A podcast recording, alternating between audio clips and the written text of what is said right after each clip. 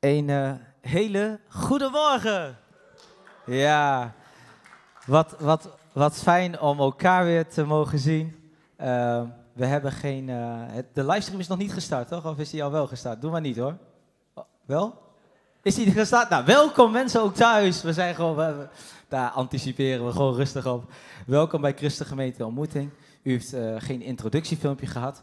Maar ik wil vragen of u uw buurman of buurvrouw een elleboog wil geven. Niet uh, in het gezicht, maar een welkomstelleboog.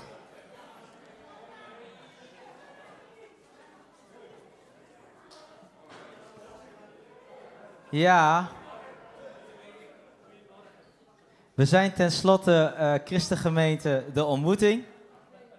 En ik merk ook alweer, normaal hoefde ik de zaal niet meer te ordenen, maar bij deze wil ik toch weer vragen of u wil gaan luisteren. Maar dat heb ik ook gemist, een beetje, dat we weer zo met z'n allen hier zijn.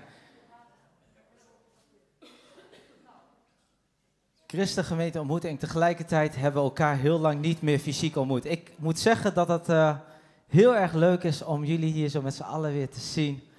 Uh, ja, dat is toch waarom God de gemeente heeft ingesteld. Als we zien in de en ik ga hier niet een hele theologie houden, maar als je ziet waarom de gemeente is ingesteld in handelingen en de eerste gemeente te Antiochië, dan is dat dat wat we nu aan het doen zijn. Samenkomen, ons laten onderwijzen, ontmoeten, hem zoeken, hem groot maken.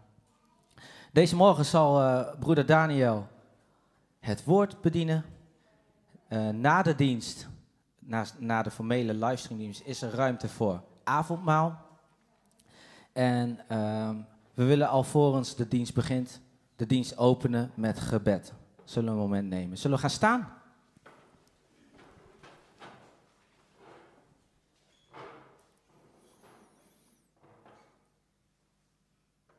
Heere God, u bent groot en zeer te prijzen. Wat is het geweldig om broers en zussen weer zo samen te zien. 6 juni 2021 Heer, dat we als gemeente weer bij elkaar mogen komen. Dank u wel voor wie u bent, Heer, dat uw liefde ons van binnenuit dringt om elkaar te zoeken, om u te zoeken, maar ook om de ander geïnspireerd te raken om de ander te mogen opzoeken. Vanuit uw liefde voor een ieder. Wilt u zo deze dienst zegenen, Heer?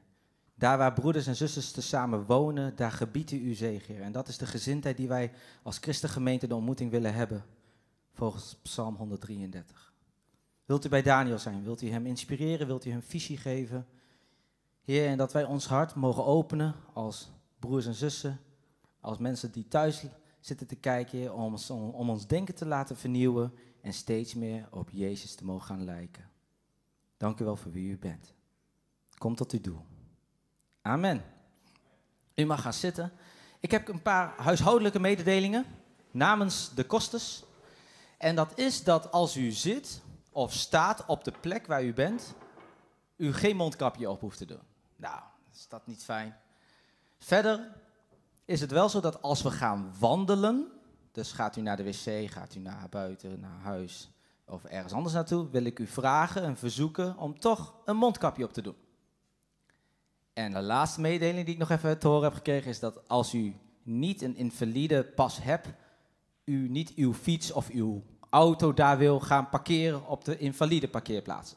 Want dan houden we die plekken vrij voor de mensen die het wel nodig hebben. Ja? Hebben we er een beetje zin in? Ja, hè? Ik... laten we dan wel als gemeente gaan staan. Dan gaan we een uh, drie, viertal liederen zingen. Uh, u mag zingen, dus uh, zing lekker mee. En het eerste lied zegt, mijn verlosser leeft.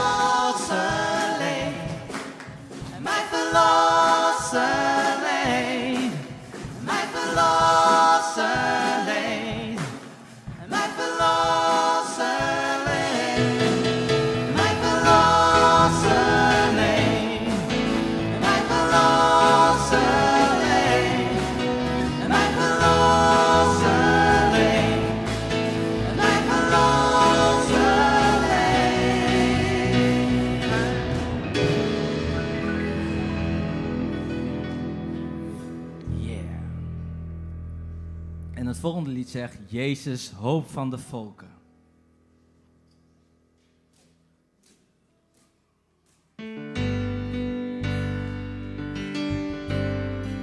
Laat het proclameren deze morgen.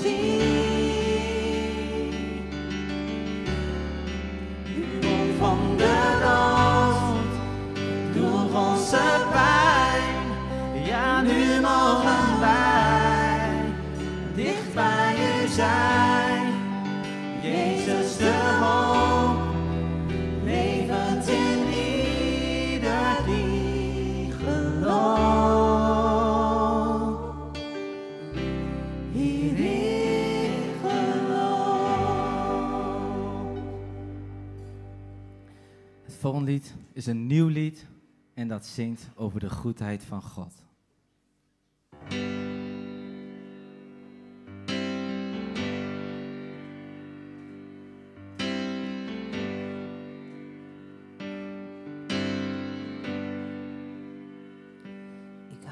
van u. Uw genade.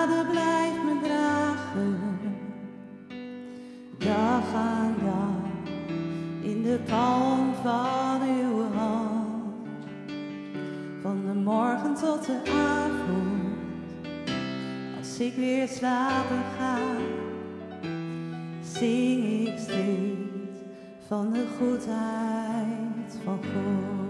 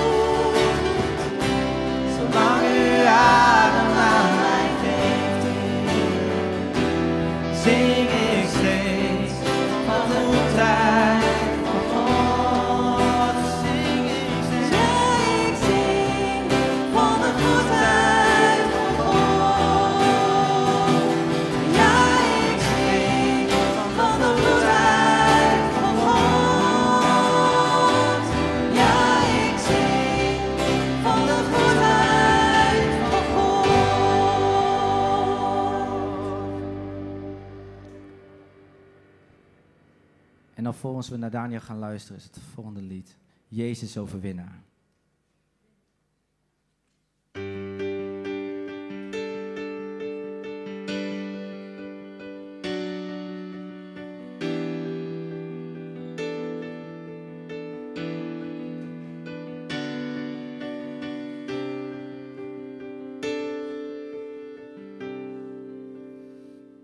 Waar u verschijnt de sneeuw, want u bevrijdt en geeft leven. Elke storm verstilt door de klank van uw stem. Alles buigt voor koning Jezus. U bent de held. U bent de held die voor ons strijdt. U baart de weg van overwinning. Elke vijand vlucht, ieder bolwerk valt neer. Naar boven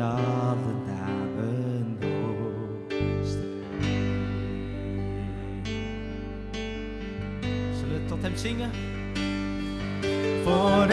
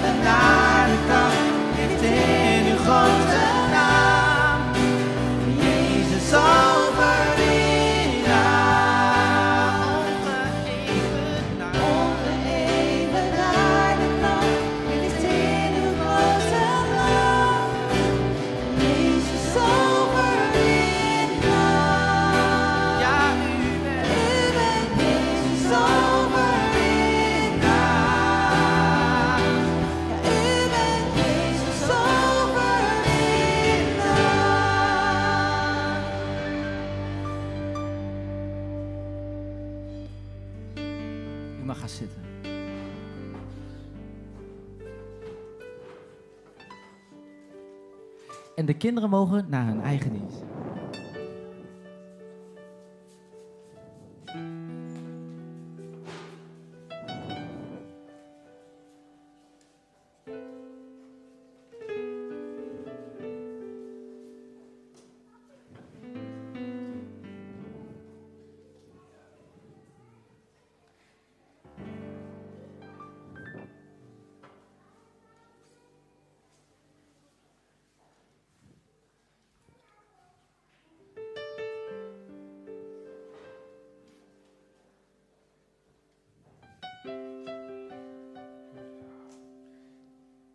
Voordat ik deze bijzondere dienst ga beginnen, wil ik graag eh, openen met gebed.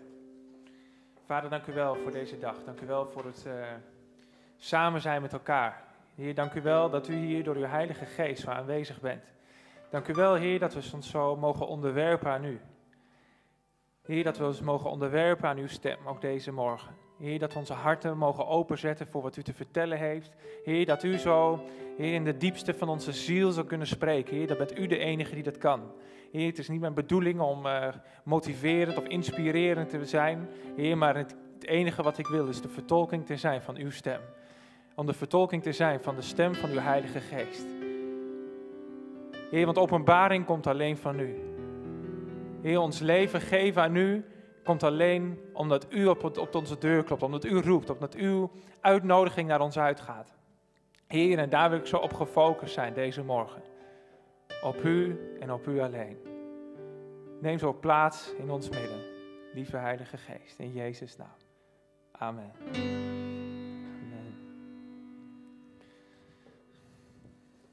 Zo. Zo, een hele goede morgen allemaal. Wat fijn om uh, zoveel mensen alweer te zien. Het uh, praat wel een stukje makkelijker, moet ik zeggen, als er uh, inderdaad de hele zaal weer gevuld is. Dus, en ik denk dat ook jullie het ook wel fijn vinden om weer fysiek aanwezig te mogen zijn. Hè? Dat, ja, of moesten de mensen nu voor het eerst inderdaad weer de pyjama voor, voor tien uur uitdoen? Ja, dus daar kan over geen ontbijtje meer op de bank of een kopje koffie uh, in de, in de, tijdens de preek. Dus, uh, maar um, hartelijk welkom. Ik ga gelijk beginnen. We hebben weer een, uh, gelijk een druk programma. na de dienst is er nog, hebben we avondmaal met elkaar. het is heel mooi dat we inderdaad bij de eerste keer bij het samen zijn gelijk avondmaal mogen vieren. dat we gemeenschap mogen hebben met elkaar op die manier. En ehm, daar gaan we. Het thema van deze morgen was hoog bezoek. Hoog bezoek. En ik weet, degene wie de poster heeft gemaakt, ik zag namelijk, uh, ik, weet niet of, ik, ik zocht naar Rut, maar die, uh, die boven. ik, maar op de poster was al een stukje te zien volgens mij van, um, ik weet niet of ik de goede poster heb gezien, maar uh, hebben jullie die ook gezien, de poster van hoog bezoek? En um, ik meende namelijk de onderkant van Maxima te zien. Ja, dat klopt. Of, of ben ik de enige die dat heeft gezien? Kan iemand dat controleren of dat... Uh... Sorry? Koningin, ja, dat is heel goed. Koningin Maxima. ja, het klopt. Sterker nog, volgens mij is dat namelijk een foto die uh, deze week is gemaakt in Winterswijk bij de officiële opening van het pand van uh, Hesseling Koffie. En uh, dat was een verrassingsbezoek. maar ja, tijdens het bekijken van het filmpje van dat verrassingsbezoek, dan was er weinig verrassing aan. wat, was behoorlijk goed voorbereid. De rode loper en iedereen was strak in pak. En uh, stonden verhaaltjes te vertellen. Dus zo'n verrassing was het ook allemaal weer niet. Maar voor de Winterswijkers natuurlijk was het even. Oh, echt? Oh, ik krijg net, ja, Intel, Intel, Houston. we hebben net Intel hier. Het is inderdaad toch wel echt een, verrassingsbezoek geweest. Ja, ze dachten dat ze waren afgescheept met een staatssecretaris, maar het was toch echt Maxima die was gekomen. En um, nou, het leuke is dat, uh, nee, ik heb daar zelf drie jaar gewerkt. En het grappige is, toen ik het filmpje namelijk zag, Eh, iedereen was namelijk in vol ornaat uitgedost, net, netjes, eh, de haren allemaal netjes. Eh, het was echt wel, een officieel, echt wel een officieel bezoek. En op een gegeven moment zag je ook dat koningin Maxima de proeflokaal inging om samen proefie, koffie te proeven. En toen werd ze aangesproken als Hare Majesteit de Koningin. Dus inderdaad, ik werd er net al op, op de vingers getikt van ja, nee, maar het is Koningin Maxima, niet Maxima. Eh, maar het, eh, dus in die zin, de Hesseling Koffie kreeg hoog bezoek van Hare Majesteit de Koningin. En Hare Majesteit, dat is de officiële titel. Volgens mij word je ook ingelicht van tevoren als je iemand van het Koninklijk Huis op bezoek krijgt, wat de officiële aanspreektitels zijn. Eh, maar het grappige is, in de voorbereiding ehm, nou ja, durf ik mijn hand er wel voor in het vuur te steken dat niemand het heeft van, oh, eh Hare Majesteit de Koningin Maxima, die komt op bezoek. Het is allemaal, nee, Maxima komt op bezoek. Maxima komt op bezoek. En eh, nou ja, we hebben voorbereidingen voor Maxima. Wat leuk dat Maxima komt. Maar op het moment dat zij daadwerkelijk daar aanwezig is en in een veel te dure Volvo, die helemaal uitgedorst is met van alles en nog wat, en de chauffeur die eh, doet de deur open en zij komt er echt naar buiten in, eh, nou ja, in een statig pak en een hoedje had ze op. Ze had zelfs volgens mij een mondkapje die, die een kleermaker uit de stof van haar jurk bijna heeft eh, gehaald, want het was precies matchend allemaal, eh, in een hele grote bos, heel statig in ieder geval. En in één keer alle voorbereidingen zoals die getroffen werden met Maxima en dit en dat. In één keer was het Hare Majesteit. Dacht, welkom Hare Majesteit.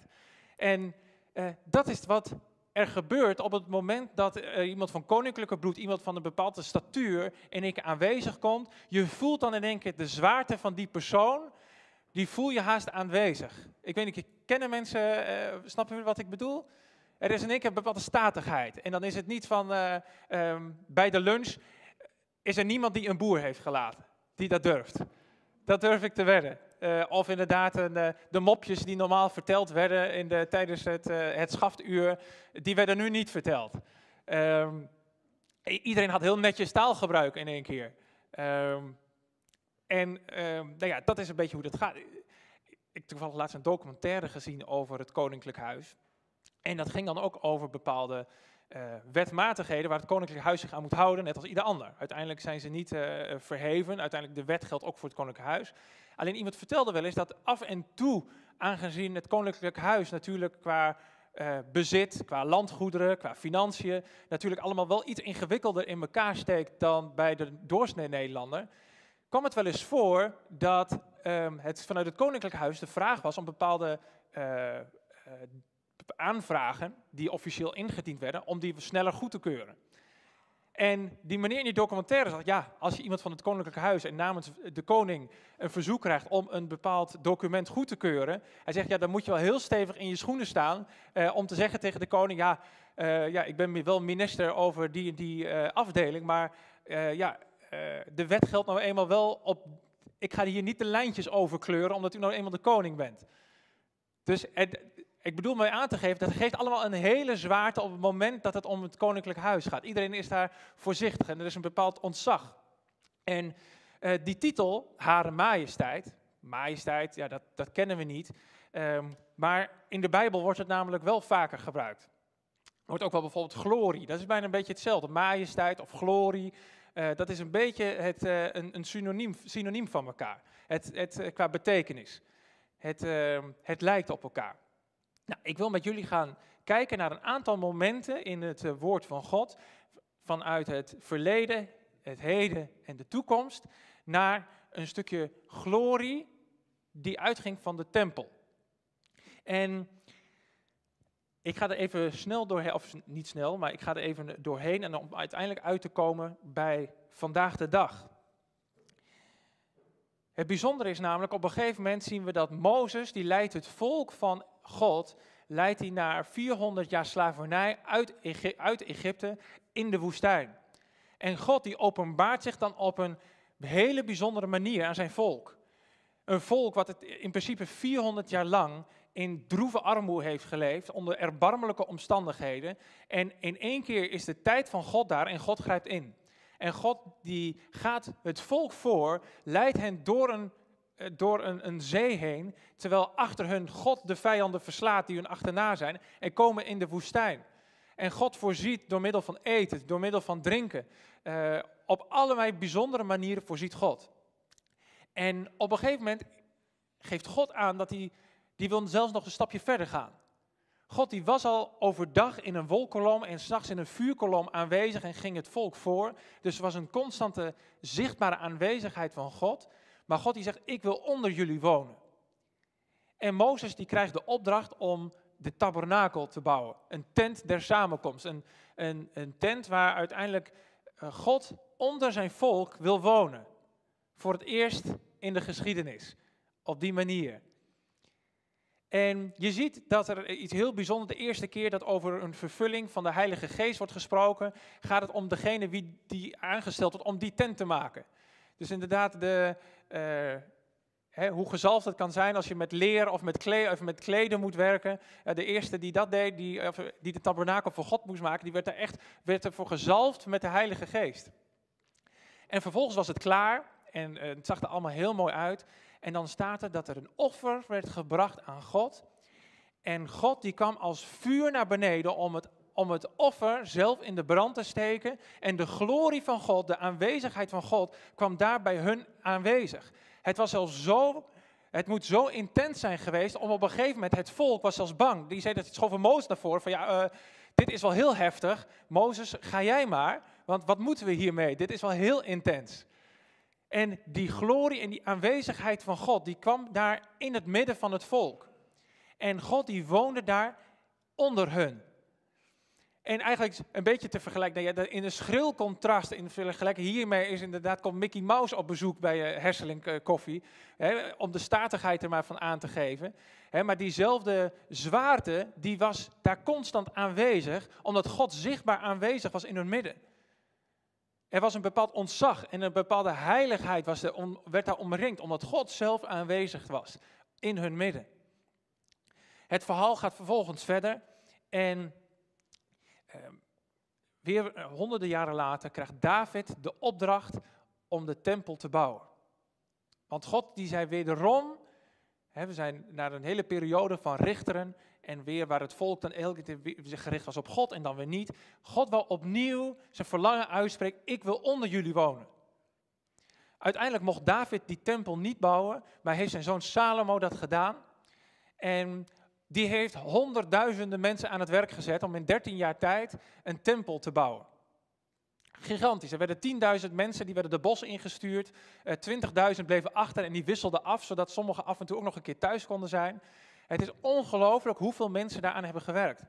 Uh, ik geloof 80.000 lastdragers, uh, 30.000 uh, timmer, die, eh, beeldhouwers die, eh, die aan het werk waren. Het moet een gigantische operatie zijn geweest om die tempel te kunnen bouwen. Nou, er zijn ook, voor degenen die dat leuk vinden, er zijn ook berekeningen van hoeveel die tempel dan wel niet gekost moet hebben naar de huidige, uh, naar de huidige maatstaf, naar onze huidige valuta, maar dat is bijna niet te doen.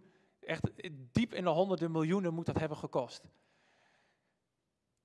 De tempel was klaar en alle alle, de ark van het verbond ging weer, werd naar binnen gebracht en alle de laatste decoratieve dingen die werden geïnstalleerd. Het heilige der heiligen werd ingericht en de priesters die waren klaar. En wederom was daar de aanwezigheid, wederom kwam daar weer hoog bezoek, die kwam naar beneden en die vulde de hele tempel met Gods glorie. Die was zo aanwezig en die was zo uh, heftig dat de priesters die de tempel hadden ingericht, die vlogen weer naar achteren op de grond vanwege de glorie van God. Zo'n dikke tegenwoordigheid, zo'n tastbare tegenwoordigheid van God was daar. En je leest ook in de Bijbel dat elke keer wanneer er feesten waren die God had aangesteld voor het volk, dan zie je dat vanuit alle windstreken mensen naar Jeruzalem kwamen om God te aanbidden en offers te geven. En waarom? Er was een Iedereen wilde ook getuige zijn van inderdaad die tegenwoordigheid van God die daar was. Want daar is de tegenwoordigheid van God. God is, is daar, die troont daar boven de, de cherubiens, boven de engelen op de troon van de genade, op de, op de ark van het verbond. Daar was God aanwezig. Vervolgens, naar de ongehoorzaamheid van het volk, zie je dat de tempel verwoest werd door, na de inval van de Babyloniërs. Het volk van Israël die werd naar Babel vervoerd, onder andere het verhaal van Daniel lezen we daar. En de tempel wordt weer opgebouwd. Vervolgens Herodes, die ongeveer rond het jaar nul, iets voor het jaar nul, die wil daar een renovatie, want die heeft zoiets, nou de, de tempel die moet weer net zo mooi worden als de tempel in Salomo. En die heeft daar een soort renovatie, zo'n extreme temple makeover edition onder de naam van eh, Herodes. Dus ook, het werd daarom ook wel Herodes tempel genoemd. Het gekke is, is dat je daar bij de tempel, die dus gebouwd is eh, bij de herbouw, lees je namelijk nergens meer dat die glorie van God zich gaat manifesten in die tempel. De ark van het verbond, daar wordt ook niet meer over gesproken dat die in die tempel weer teruggebracht is. En dan komt Jezus op het toneel. En we lezen ook als we het verhaal van Jezus lezen hier dat wederom iedereen eh, bij de Shabbat en de feestdagen weer naar de tempel komt om daar God te aanbidden. En na de bediening van Jezus zie je weer een glimp van inderdaad die glorie van God die zich langzaam weer aan het manifesteren is. Weet u het verhaal nog dat Jezus gevangen werd genomen door de Romeinse soldaten en dat de soldaten zeggen wij zoeken, wij zoeken Jezus, wie is dat? En dat Jezus zegt ik ben. Ik ben. En Jezus, wat Jezus eigenlijk zegt is een directe verwijzing. Dat hij zegt, ja, ik ben die alomtegenwoordige God. Die vanaf het begin al voor jullie heeft gezorgd. Die jullie in de woestijn heeft gebracht. Ik ben dat. En op het moment dat Jezus het uitsprak, ik ben, vielen de soldaten achterover. Die klapten achterover vanwege de kracht die daarvan uitging. Wederom zien we daar iets van die glorie van God die weer terugkwam. De Godheid zelf was daar op aarde. En er was daar weer een, een tegenwoordigheid, een bepaalde statigheid. Die glorie werd omringd. En de belofte van Jezus, die was, ja, maar ik moet weer teruggaan naar mijn Vader, zodat de Heilige Geest kan komen. Want ik kan niet overal tegelijk zijn, maar de Heilige Geest, die zal woning in jullie maken. En we lezen dan in 2 Korinthe 6. Daar staat, wij zijn toch de tempel van de levende God, gelijk God gesproken heeft. Ik zal onder hen wonen en wandelen. En ik zal hun God zijn en zij zullen mijn volk zijn. Daarom gaat weg uit hun midden en scheidt u af, spreekt de Heer. En houd niet vast aan het onreine. En ik zal u aannemen. En ik zal u tot een vader zijn. En gij zult mij tot zonen en dochters zijn.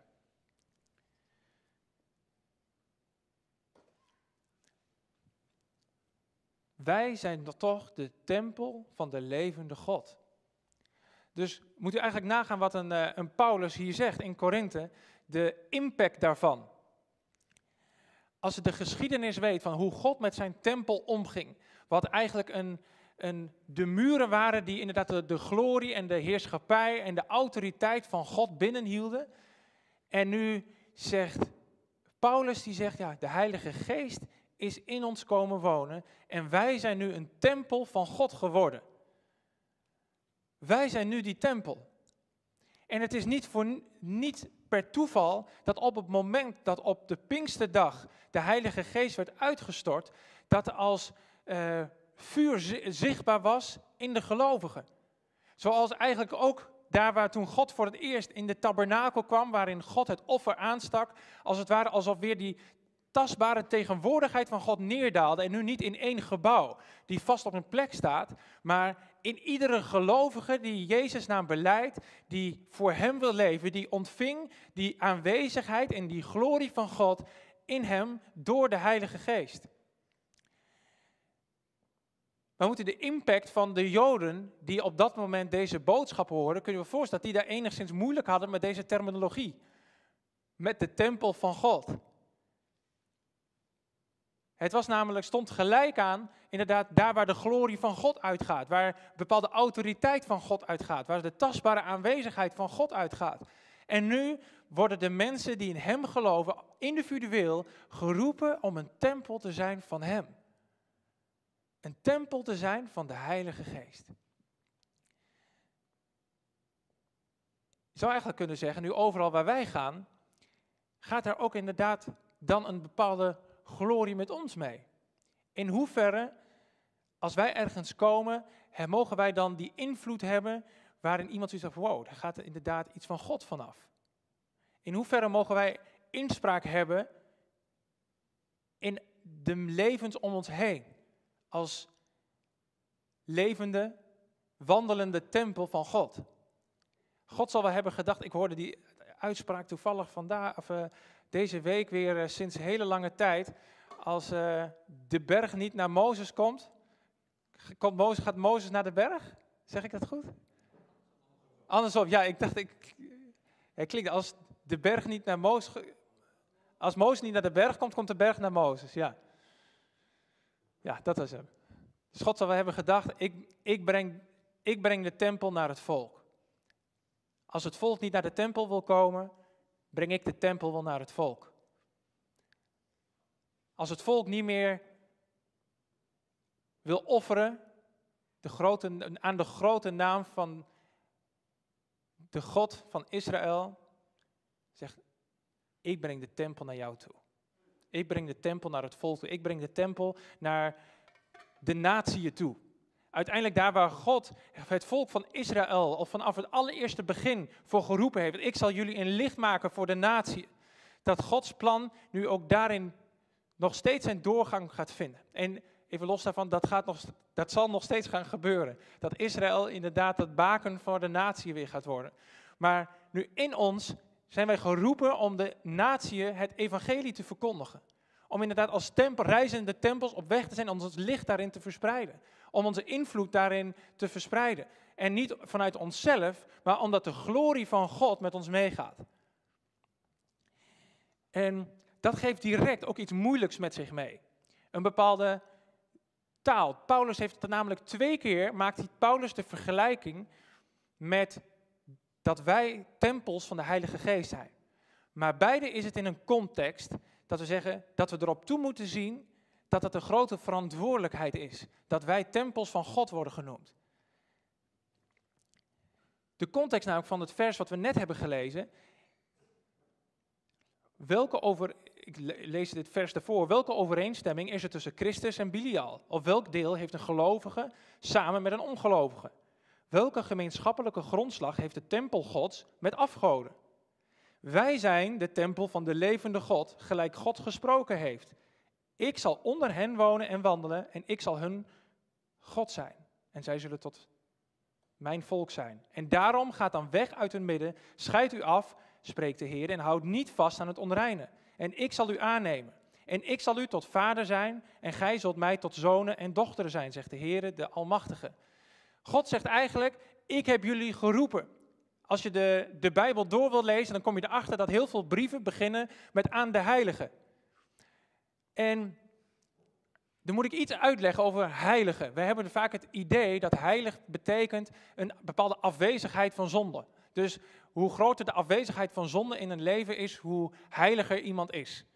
Maar dat is niet per definitie wat heilig zijn betekent. Het is misschien een eigenschap, maar het is niet wat heilig zijn, heiligheid in de context van de Bijbel betekent. Heiligheid betekent letterlijk apart gezet. Apart gezet door God. En dat is ook de terminologie die Paulus hier gebruikt. En die zegt dat daarom gaat weg uit hun midden en scheidt u af. Met andere woorden, wanneer we inderdaad Jezus hebben aangenomen en Hem willen volgen, dan volgt dat direct dat wij anders zullen zijn dan de rest. Anders moeten zijn dan de rest om ons heen. Dat is de, de context waar, de Bijbel, waar Paulus hier over spreekt, wanneer hij het over de tempel heeft. En durven wij inderdaad nog tempels te zijn die afgescheiden zijn van de wereld, van wereldse gedachten of van eh, alles wat er om ons heen gebeurt.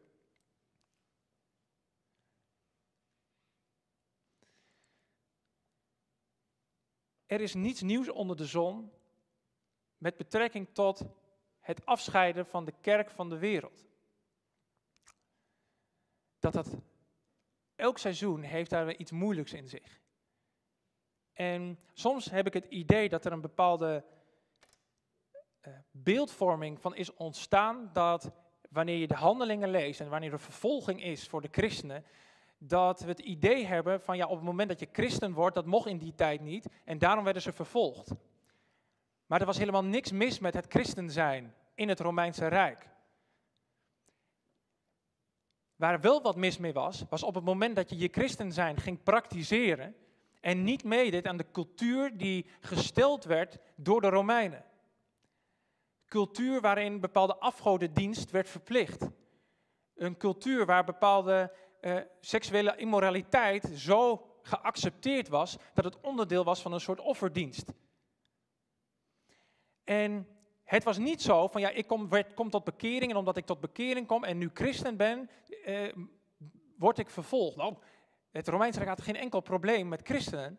Waar ze problemen mee hadden was christenen die zich afscheiden van de cultuur. Die zich afscheiden van, de, maar die een grens trokken van ja, maar tot hier kunnen wij wel meegaan, maar dat is wel tot een bepaalde hoogte.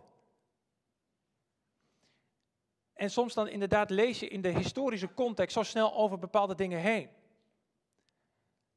Een van de grootste christenvervolging in die eerste eeuwen na Christus had er alles mee te maken dat er een grote pestepidemie was. Dat komt bekend voor. Vanuit het Romeinse Rijk werden de verplichtingen opgelegd hoe daarmee om te gaan. Met de pest of met die epidemie. Christenen konden daar niet mee omgaan. En geen, uh, het waren geen mondkapjes. Uh, dat, uh, voordat we zenuwachtig worden. Maar wat wel, de Romeinse Rijk had opgedragen om bepaalde offers te volbrengen. Iedereen moest een offer brengen om de goden welgezind te laten zijn. En dat is waar de christenen een lijn trokken. Die zeggen, ja maar wij gaan niet offeren. En dat is de reden dat de christenen werden aangegeven als veroorzakers van. Dat zijn degenen die dwarsbomen, die inderdaad de, de progressie in de weg zitten. En daarom werden ze massaal gedood. Vertaald naar vandaag de dag zijn er zoveel dingen om ons heen die allemaal politiek correct geaccepteerd zijn en waarin het steeds moeilijker wordt om er andersdenkend over te zijn. We leven in een land van, eh, van vrijheid van meningsuiting. Zeg dat maar tegen een jongen van, of een meisje van 14 jaar die op de middelbare school wil leven volgens Jezus. Dan zul je zien hoe ver de vrijheid van meningsuiting gaat. Op het moment dat je anders denkt. Op het moment dat je niet mee wil gaan wat de anderen doen. Inderdaad, je mag je mening hebben, maar je hoort er niet meer bij. Jij mag je mening hebben, maar je bent wel een weirdo. En dat is wel de realiteit van op het moment dat wij een tempel van de Heilige Geest worden. Ik weet nog, toen ik 14, 15 jaar was, was er al bij Nederlands of maatschappijleer een heftige discussie over abortus. Ik was een van de weinigen die zich daarin tegensprak. En alle argumenten, ik bedoel, daar gaan we nu niet allemaal uh, bij langs, van waarom dat gepropageerd moet worden. Waarom het zo belangrijk is, is dat we die vrijheid hebben. En uh, op een gegeven moment stond ik op en ik zei tegen de docent, ik zeg met al uw argumentatie heeft u zojuist inderdaad deze jongen die hier voorin zit vermoord. Ik zeg of niet? Het was inderdaad een jongen die uit Zuid-Amerika was geadopteerd omdat zijn ouders niet meer voor hem konden zorgen. Ik zeg met uw eigen argumentatie, vindt u dat er geen plek mag zijn voor deze jongen? Met uw argumentatie vindt u dat die jongen er niet mag zijn omdat de context niet ideaal is? Vanwege uw argumentatie vindt u dat het leven wat die jongen nu heeft, in die zin ook ontnomen had mogen worden? Zullen we hem eens vragen wat hij daarvan vindt, van uw argumentatie? Nou ja, de sfeer die sloeg natuurlijk uh, wel aardig om. Uh, maar ik wilde er alleen maar mee aangeven dat we soms in een bezongen gedachtepatroon en een politieke correctheid verweven kunnen worden, dat we niet meer zien dat we midden in een web van dwaasheid terecht zijn gekomen. En daarmee wil ik niet um, ongevoelig zijn voor de situaties die er kunnen zijn, wat zeer schrijnend is. Ik wil niet ongevoelig zijn voor de situaties waar, we in waar, we, waar je in deze wereld in terecht kan komen, die super schrijnend zijn. Het enige wat we daarvoor moeten hebben is compassie en heel veel.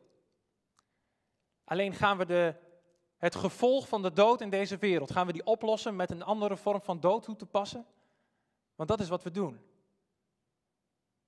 En ik probeer alleen maar aan te kaarten dat hoe slinks soms bepaalde gedachtegangen geaccepteerd kunnen worden. En op het moment dat je anders denkt, dat we en hoewel we denken te leven in een, in een land van vrijheid van meningsuiting, maar inderdaad, wanneer je als 14-jarige niet meedoet met het drinken of met vee, op een bepaalde manier het, een uiting geven aan hoe gefeest moet worden, dan sta je daar wel alleen in. En in plaats van dan de omstandigheden te verzachten of de context aan te passen, zodat het in die zin ons wat makkelijker maakt, zouden we er ook voor kunnen kiezen om de koe bij de horens te vatten en zeggen van hé, hey, we, we helpen je. Het is, ook, het is ook lastig, het is ook vervelend.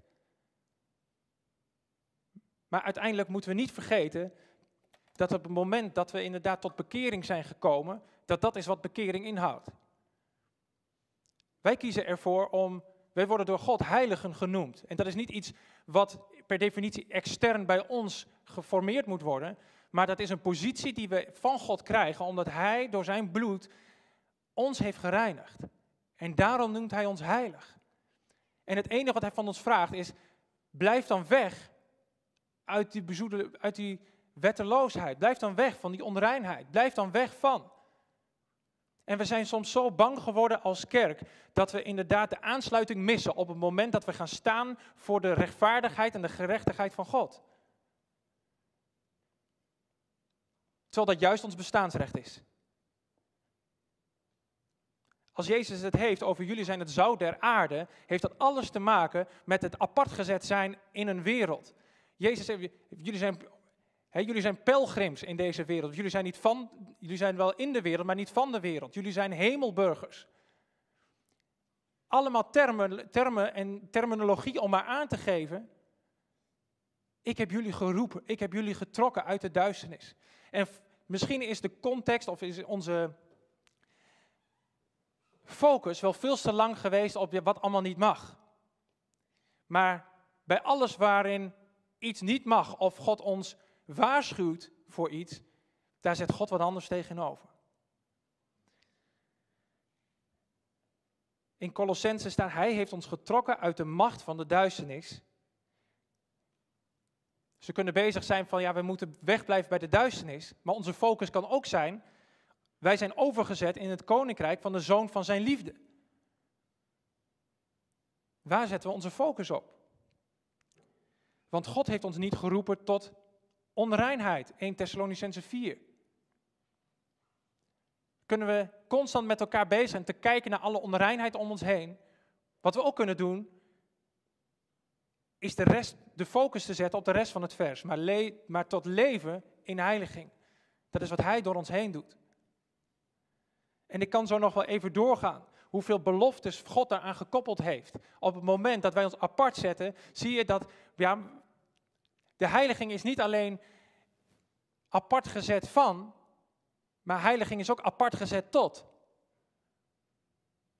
En daarin wil ik afsluiten.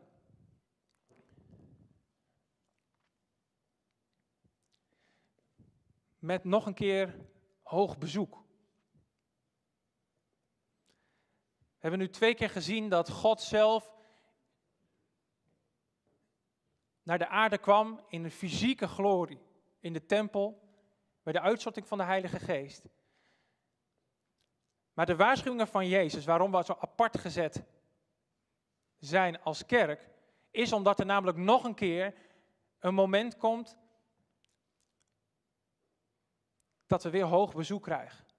En dat is het moment dat we niet alleen geestelijk apart gezet zijn, maar dat is ook het moment dat wij fysiek apart gezet gaan worden. In Thessalonicense staat, geeft Paulus daar uitgebreid uitleg over. Er komt een moment dat we als volgelingen van Jezus heel fysiek ook apart gezet worden.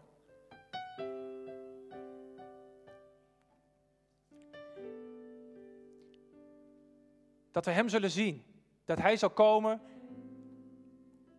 Dat er een tijd komt dat we met Hem zullen regeren. Dat is waar God ons voor apart heeft gezet. Zodat we met Hem straks kunnen regeren. Wanneer, op het moment dat wij fysiek apart gezet worden door Hem. Dat we Hem zullen zien. Want Hij komt namelijk in zijn glorie op de wolken. Komt Hij ons tegemoet. En we zullen we Hem van aangezicht tot aangezicht zien. En dat is ook de moment waar Jezus regelmatig voor waarschuwt. De, tien maagden. Vijf die hadden hun olievat gevuld en vijf niet.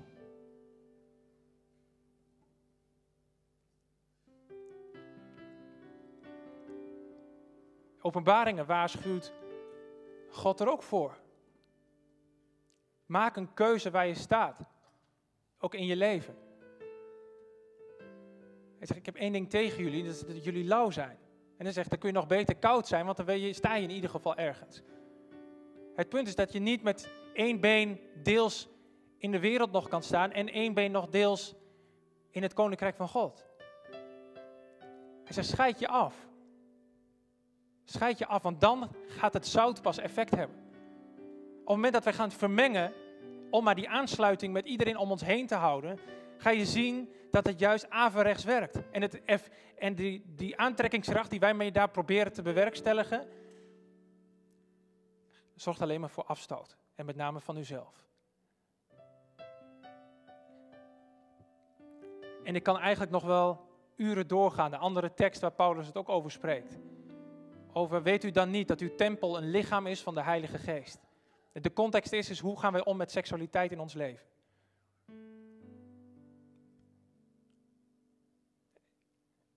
En ook daarin zit, zijn we verwikkeld in een heel politiek correctheid, wat we moeten, politiek correcte taal die we moeten spreken. Maar mag God, mag, mogen we nog inderdaad zeggen, nee, maar wij zetten ons apart? Mogen we dat nog zeggen? Mogen we dat nog vinden? Of moeten we tot de conclusie komen dat we daarin al te ver zijn gegaan? Dat we al te veel hebben toegelaten? Dat we al te ver zijn gegaan?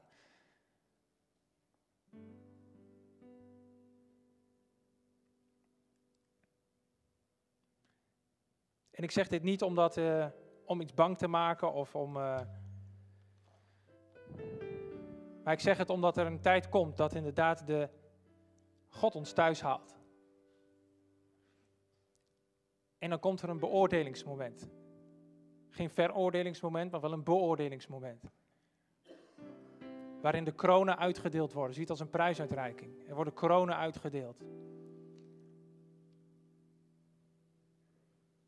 En ik zou niet willen dat ik daar kom te staan. En dat ik mijn aandeel mis. Die is apart gezet voor mij. Omdat ik toch aanvaard wil worden door de mensen om mij heen. De wereld om mij heen. Want de kroon die dan voor mij is bestemd, voor ons is bestemd, er zijn verschillende gradaties in, zoals daar eh, spreekt Paulus over.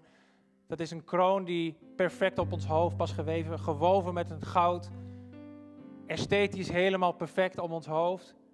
En op het moment dat Jezus zelf die op ons hoofd legt, dan gaan onze gedachten naar het moment dat de doornen kroon op Jezus hoofd waren gelegd. En dat we geen enkel aandeel hebben, geen enkele roem hebben in onze eigen kronen die we krijgen als prijsuitreiking. Dat we eigenlijk waren als een, een gouden medaille omgehangen krijgen voor iemand anders die de wedstrijd voor ons gelopen heeft. Iemand anders die ons de kracht heeft gegeven. Op het moment dat we die kroon op ons hoofd krijgen als beloning voor dat we durfden apart gezet te zijn, durfden heilig te zijn in een wereld waar alles om ons heen duisterder wordt. Dan wil ik niet degene zijn die daarin iets mist. Alleen maar omdat ik denk, ja, het is niet van deze tijd. We geloven in een boek, die we allemaal op ons schoot of op onze telefoon hebben, van maan van 4 tot 6000, 4 tot 6000 jaar oud. Daar geloven we in. En de redenaties om soms niet apart gezet te leven voor God wordt dan gebruikt. Ja, het is niet van deze tijd. Met andere woorden, de politieke, sociale ontwikkelingen van de afgelopen 50 jaar moeten ons belemmeren om inderdaad de grondvesten van ons geloof, die gecreëerd zijn over van 4 tot 6000 jaar geleden, die moeten we nu gaan laten afhangen van sociale ontwikkelingen van de afgelopen 50 jaar. En het is in die zin ook een oproep naar ons om onze focus gericht te houden op Hem. En daarmee wil ik graag afsluiten. Lieve Heer Jezus, ik wil u zo bedanken voor deze dag. Ik wil u zo bedanken voor wie u bent. Heer, ik wil u zo bedanken voor, voor uw grootheid en uw glorie in ons. Heer, dank u wel voor de enorme beloftes die u hebt gegeven. Heer, dat, onze, dat we inderdaad apart gezet zijn door u. Heer, om voor uw aangezicht, vrij voor uw aangezicht te mogen staan. Heer, ik wil u zo daar zo voor bedanken. Ik wil u zo bedanken voor alle beloftes die u heeft gegeven, die tot in de eeuwigheid nog geldig zullen zijn. Heer, dat we samen met u mogen regeren, dat we u van aangezicht tot aangezicht zullen zien. Dat er een moment komt dat onze tranen afgewist zullen worden. Heer, daar wil ik u zo voor bedanken. Heer, en ik bid ook zo voor, ook als gemeente, de ontmoeting, voor iedereen die hier vandaag is. Dat we opnieuw aangevuurd mogen worden, dat ons oog gericht mag zijn op, op u. Op wat uw woord zegt. En dat we ge- gevoelig mogen zijn voor uw stem, voor de stem van uw Heilige Geest. Om u te volgen. Heer, dat we weer een houding mogen krijgen. Want het maakt niet uit wat het kost, maar ik ga voor u. Dat we ons leven afleggen in gehoorzaamheid aan u. Niet omdat wij zelf aan de buitenkant onszelf op moeten poetsen. Om te laten zien van oh, hoe, hoe heilig wij wel niet zijn. Nee, maar omdat dat de positie is die u ons al heeft gegeven in Jezus. Dat, u, dat de positie is die u al heeft gegeven door uw zoon. Door de prijs te betalen die wij hadden verdiend. Heer, ik bid dat we zo opnieuw onder de indruk mogen zijn van uw evangelie. In Jezus' naam. Amen. Als gemeente willen we daar een lied eh, in zingen. Dank u wel, Daniel, voor je woord. En ehm, zonder al te veel woorden nog daaraan toe te voegen, is het wel heel mooi om eh, een, eh, daar heel kort dit lied te introduceren en iets te vertellen over eh, onze gezinssituatie. Mike en ik zijn eh, in 38 weken eh, in, eh, in de verwachting. En ehm, als je het dan hebt over Je- Jezus centraal stellen, de Heer centraal stellen, dan eh, hebben wij een, eh, een, een, eh, een akoestische piano gekregen. En ik moest hem laten stemmen. En boven die akoestische piano hebben wij een, eh, een heel mooi, ja, hoe zeg je dat? Hoe noem je dat? Zoiets waar je iets op kunt leggen. Een een of ander eh, plankje. Ja, heel mooi woord. En dat plankje, daar staat onze trouwfoto op met onze trouwbijbel. En onze pianostemmer kwam langs en het was zo mooi om te mogen getuigen tegen hem van, weet je, deze piano die wordt gebruikt om, eh, om God groot te maken. Om liederen van hem te zingen, over hem te zingen, naar hem toe te zingen. Eh, dus ik wil u vragen om zo goed mogelijk te stemmen, want ik en mijn gezin, wij zullen de Heer dienen. We willen het volgende lied gaan zingen, Jezus, wij verhogen u, wij erkennen u als Heer. U bent hier in ons midden, Heer. En onze lofprijs geeft u eer. Zullen we als gemeente gaan staan? En hierna zal Daniel de zegen uitspelen.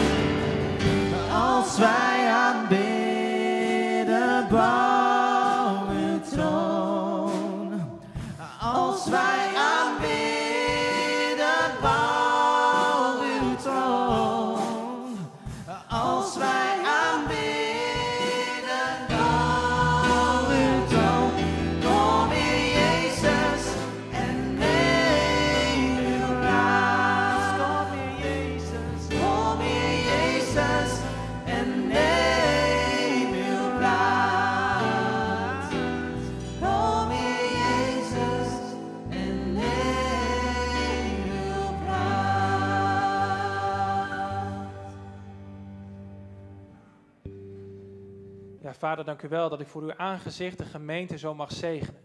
En ik wil de gemeente zo in het bijzonder zegenen met een bewustzijn van de aanwezigheid van de Heilige Geest. De drie in God aanwezig in ons. Dank u wel dat als we inderdaad willen gaan voor u. En tegen moeilijkheden aanlopen, of nou het school is, op de middelbare school, op ons werk, dat we mogen weten dat zijn aanwezigheid ook de kracht is om het te overkomen. Als we worstelen met zonde in ons leven, dank u wel dat het de kracht is in ons die het overkomt, die het overwint. Dank u wel dat daarin de overwinning van u is.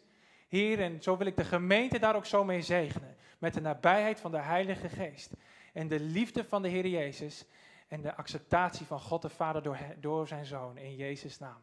Amen.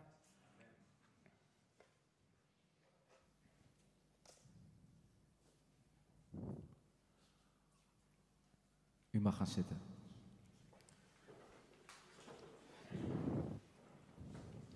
Ehm, er zijn een tweetal dingen. Eh eerst is, eh, er is een eh, vrijwilliger die heet in de vorm van Danielle en waarschijnlijk met nog misschien een aantal anderen. Die wil wat laten zien. We hebben namelijk niet de mogelijkheid om koffie te drinken met z'n allen, maar wij hebben een ontmoeting to go geregeld. Dus u mag het even een applausje geven hoor, niet zo eh, bescheiden. Nou, het applaus is meer voor jullie zelf hoor. Superleuk dat jullie er allemaal zijn. En om dat eh, nou, toch een beetje feestelijk te maken, hebben we inderdaad een cook to go voor iedereen. Dus, nou, geniet er straks lekker van. We hebben nu eh, vijf minuten, een- ik wou zeggen een pauze. En daarna wouden we er overgaan naar het avondmaal onder leiding van Daniel. Dus ik zal ondertussen even wat achtergrondmuziek spelen, maar... eh, dan,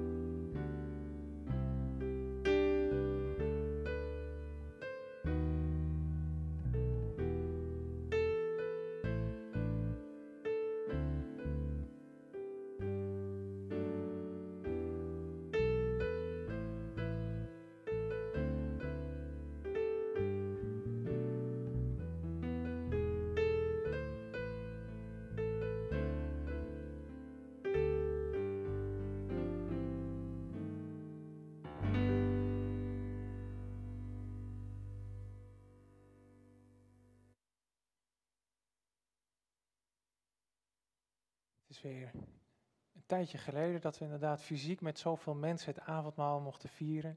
Ik doe het even eh, praktisch, even kijken wat het handigste is.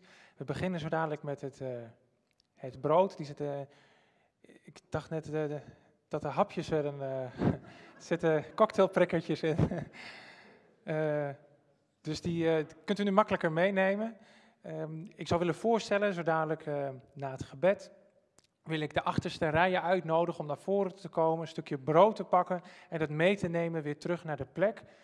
Ehm, en daar zullen we het gezamenlijk, zullen we het daar eh, eh, opeten. Dus dan eh, zou u met mij willen gaan staan?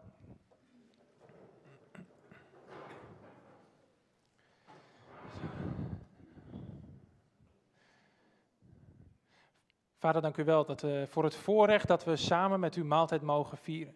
Heer, dank u wel dat u ook in uw woord zegt dat we dit mogen doen tot de dag dat u weer komt.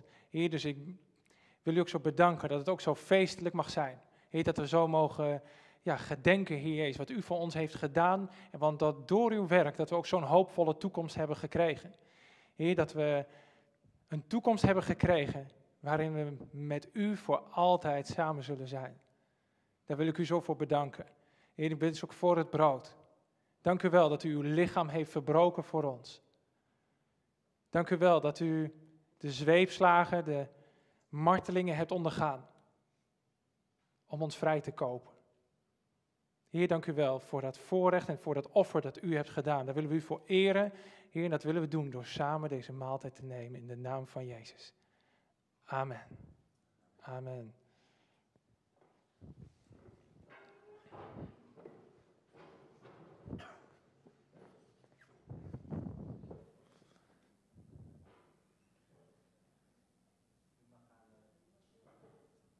De achterste rij, toch?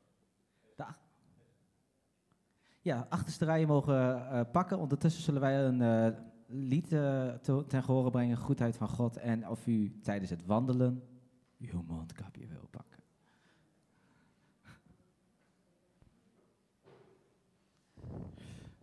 Goedheid van God.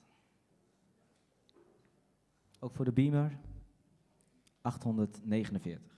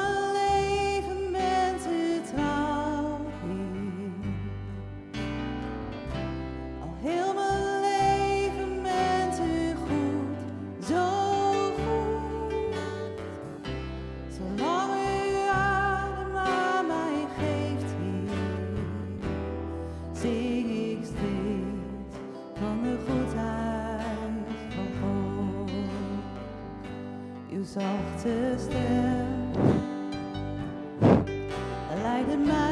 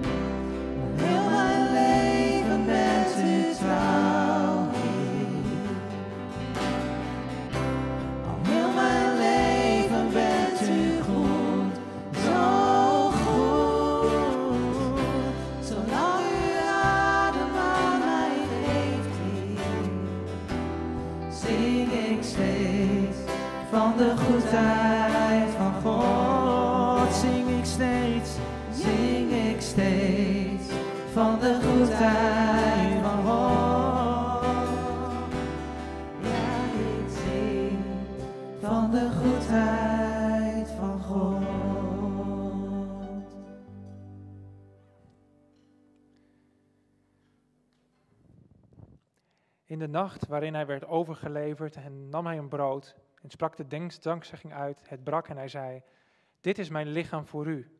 Doe dit tot mijn gedachtenis.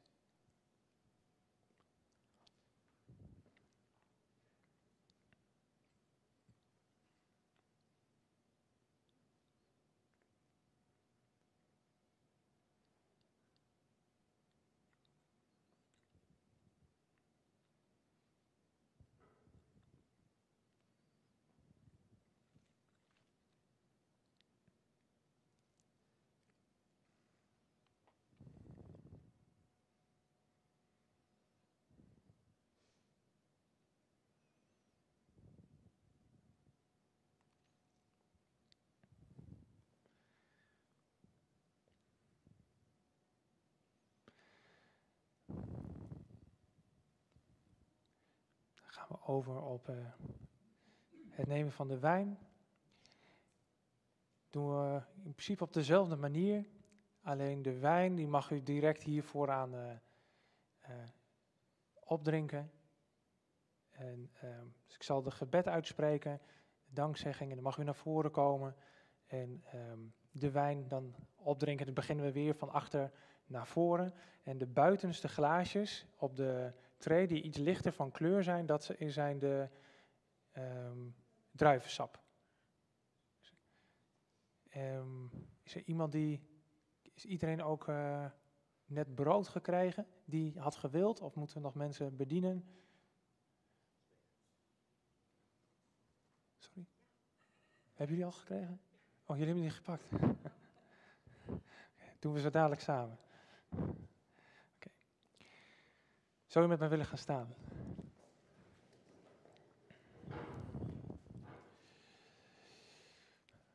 Vader in de hemel, dank u wel voor het bloed van uw zoon. Dank u wel dat eh, zo dadelijk als we samen met als gemeente de, de wijn mogen drinken, dat we mogen gedenken dat uw bloed heeft gevloeid. Heer, dat we mogen gedenken dat uw bloed, het bloed van uw eigen zoon, gebracht is op, op het deksel van het, van het altaar. Waarin er voor eeuwig en voor altijd verzoening is gemaakt tussen de mensheid en u. Heer, dank u wel dat we inderdaad in het voorrecht mogen, mogen hebben dat we door u mogen leven, door uw bloed. Dat we door uw bloed, dat we toegang hebben tot u. Dat door uw bloed, dat u ons kinderen noemt. Dat door uw bloed, dat we u Abba Vader mogen noemen. Heer, dank u wel dat u ons hebt schoongewassen door uw bloed. Heer, dat we dat mogen gedenken met elkaar in Jezus' naam. En evenzo ook de beker, nadat de maaltijd afgelopen was. En hij zeide, deze beker is het nieuwe verbond in mijn bloed. Doe dit, zo dikwijls gij dit drinkt, tot mijn gedachtenis.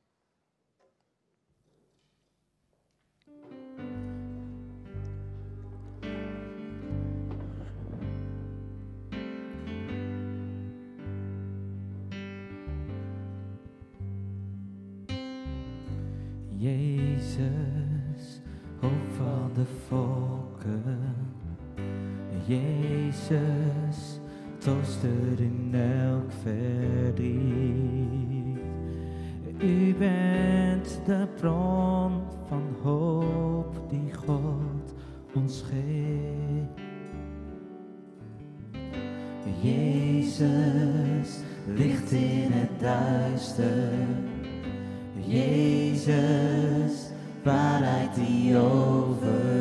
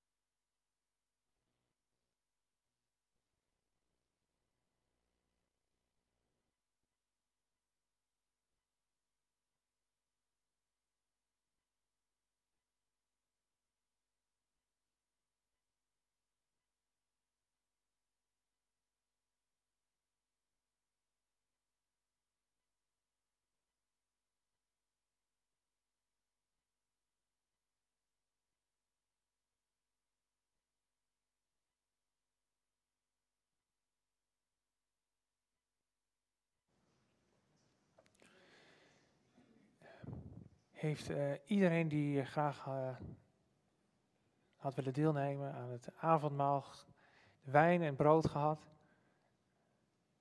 dan eh, is de, de dienst hierbij afgesloten. En ehm, er waar moest er iets nog meegenomen worden? de goodie bag. De goodie bag. Vergeet niet uw goodie bag. En God zegen en een hele fijne zondag nog. Denk Oké. aan